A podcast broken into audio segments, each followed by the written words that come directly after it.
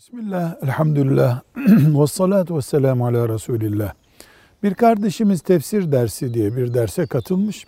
Orada şeytan cennetten kovulduktan sonra yılanın yardımıyla cennete tekrar girip Adem Aleyhisselam'ı kandırdığına dair bir bilgi öğrenmiş.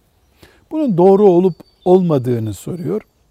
Kardeşimize diyoruz ki bunun senin hayatına yansıyacak bir bölümü yoktur. Bu bir tür işe yaramayan bir bilgidir. Zaten bu bilgi de yılanın yardımıyla cennete döndü.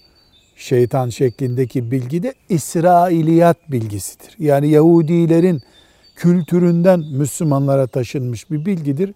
İnanmak zorunda değiliz reddetmemizin de gereği yok. Bir kültür, efsane olarak durabilir. Bir sakıncası yok. Ama Adem Aleyhisselam'ın şeytana kandığı için cennetten çıktığını unutmamak bize yarar bir bilgidir. Velhamdülillahi Rabbil Alemin.